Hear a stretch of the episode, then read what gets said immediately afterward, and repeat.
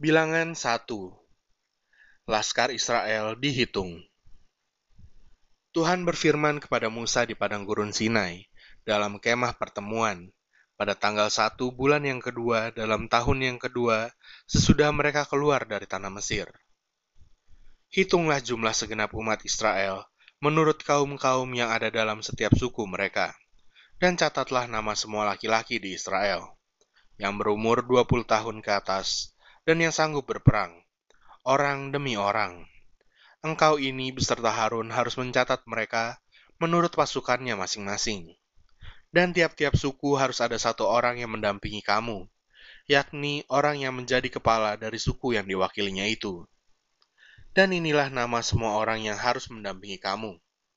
Dari suku Ruben, Elizur bin Syedeur. Dari suku Simeon, Selumiel bin Zuri Syadai dari suku Yehuda, Nahason bin Aminadab.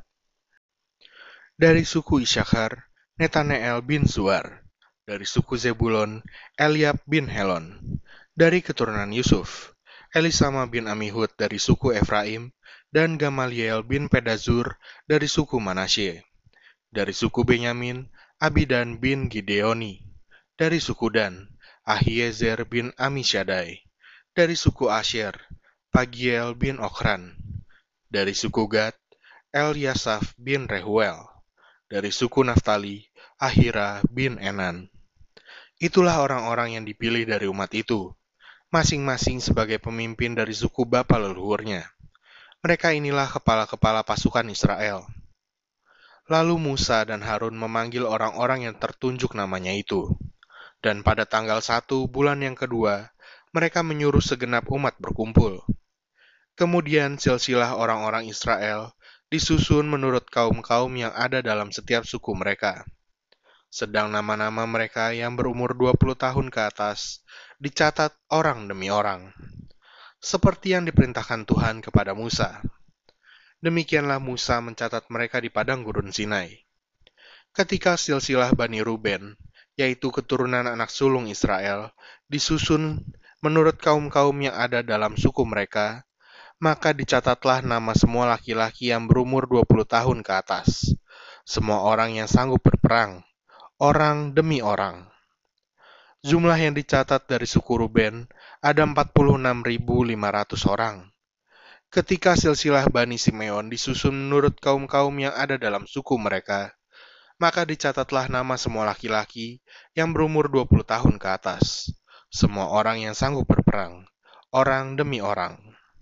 Jumlah yang dicatat dari suku Simeon ada 59.300 orang. Ketika silsilah Bani Gad disusun menurut kaum-kaum yang ada dalam suku mereka, maka dicatatlah nama orang-orang yang berumur 20 tahun ke atas, semua orang yang sanggup berperang. Jumlah yang dicatat dari suku Gad ada 45.650 orang. Ketika silsilah Bani Yehuda disusun menurut kaum-kaum yang ada dalam suku mereka, maka dicatatlah nama orang-orang yang berumur 20 tahun ke atas, semua orang yang sanggup berperang. Jumlah yang dicatat dari suku Yehuda ada 74.600 orang. Ketika silsilah Bani Isakar disusun menurut kaum-kaum yang ada dalam suku mereka, maka dicatatlah nama orang-orang yang berumur 20 tahun ke atas, semua orang yang sanggup berperang. Jumlah yang dicatat dari suku Isakar ada 54.400 orang. Ketika silsilah Bani Zebulon disusun menurut kaum-kaum yang ada dalam suku mereka, maka dicatatlah nama orang-orang yang berumur 20 tahun ke atas, semua orang yang sanggup berperang. Jumlah yang dicatat dari suku Zebulon ada 57.400 orang. Mengenai keturunan Yusuf, ketika silsilah Bani Efraim disusun menurut kaum-kaum yang ada dalam suku mereka, maka dicatatlah nama orang-orang yang berumur 20 tahun ke atas, semua orang yang sanggup berperang. Jumlah yang dicatat dari suku Efraim ada 40.500 orang. Dan ketika silsilah Bani Manasye disusun menurut kaum-kaum yang ada dalam suku mereka, maka dicatatlah nama orang-orang yang berumur 20 tahun ke atas, semua orang yang sanggup berperang. Jumlah yang dicatat dari suku Manasye ada 32.200 orang. Ketika silsilah Bani Benyamin disusun menurut kaum-kaum yang ada dalam suku mereka, maka dicatatlah nama orang-orang yang berumur 20 tahun ke atas. Semua orang yang sanggup berperang. Jumlah yang dicatat dari suku Benyamin ada 35.400 orang. Ketika silsilah Bani Dan disusun menurut kaum-kaum yang ada dalam suku mereka, maka dicatatlah nama orang-orang yang berumur 20 tahun ke atas.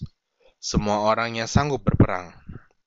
Jumlah yang dicatat dari suku Dan ada 62.700 orang.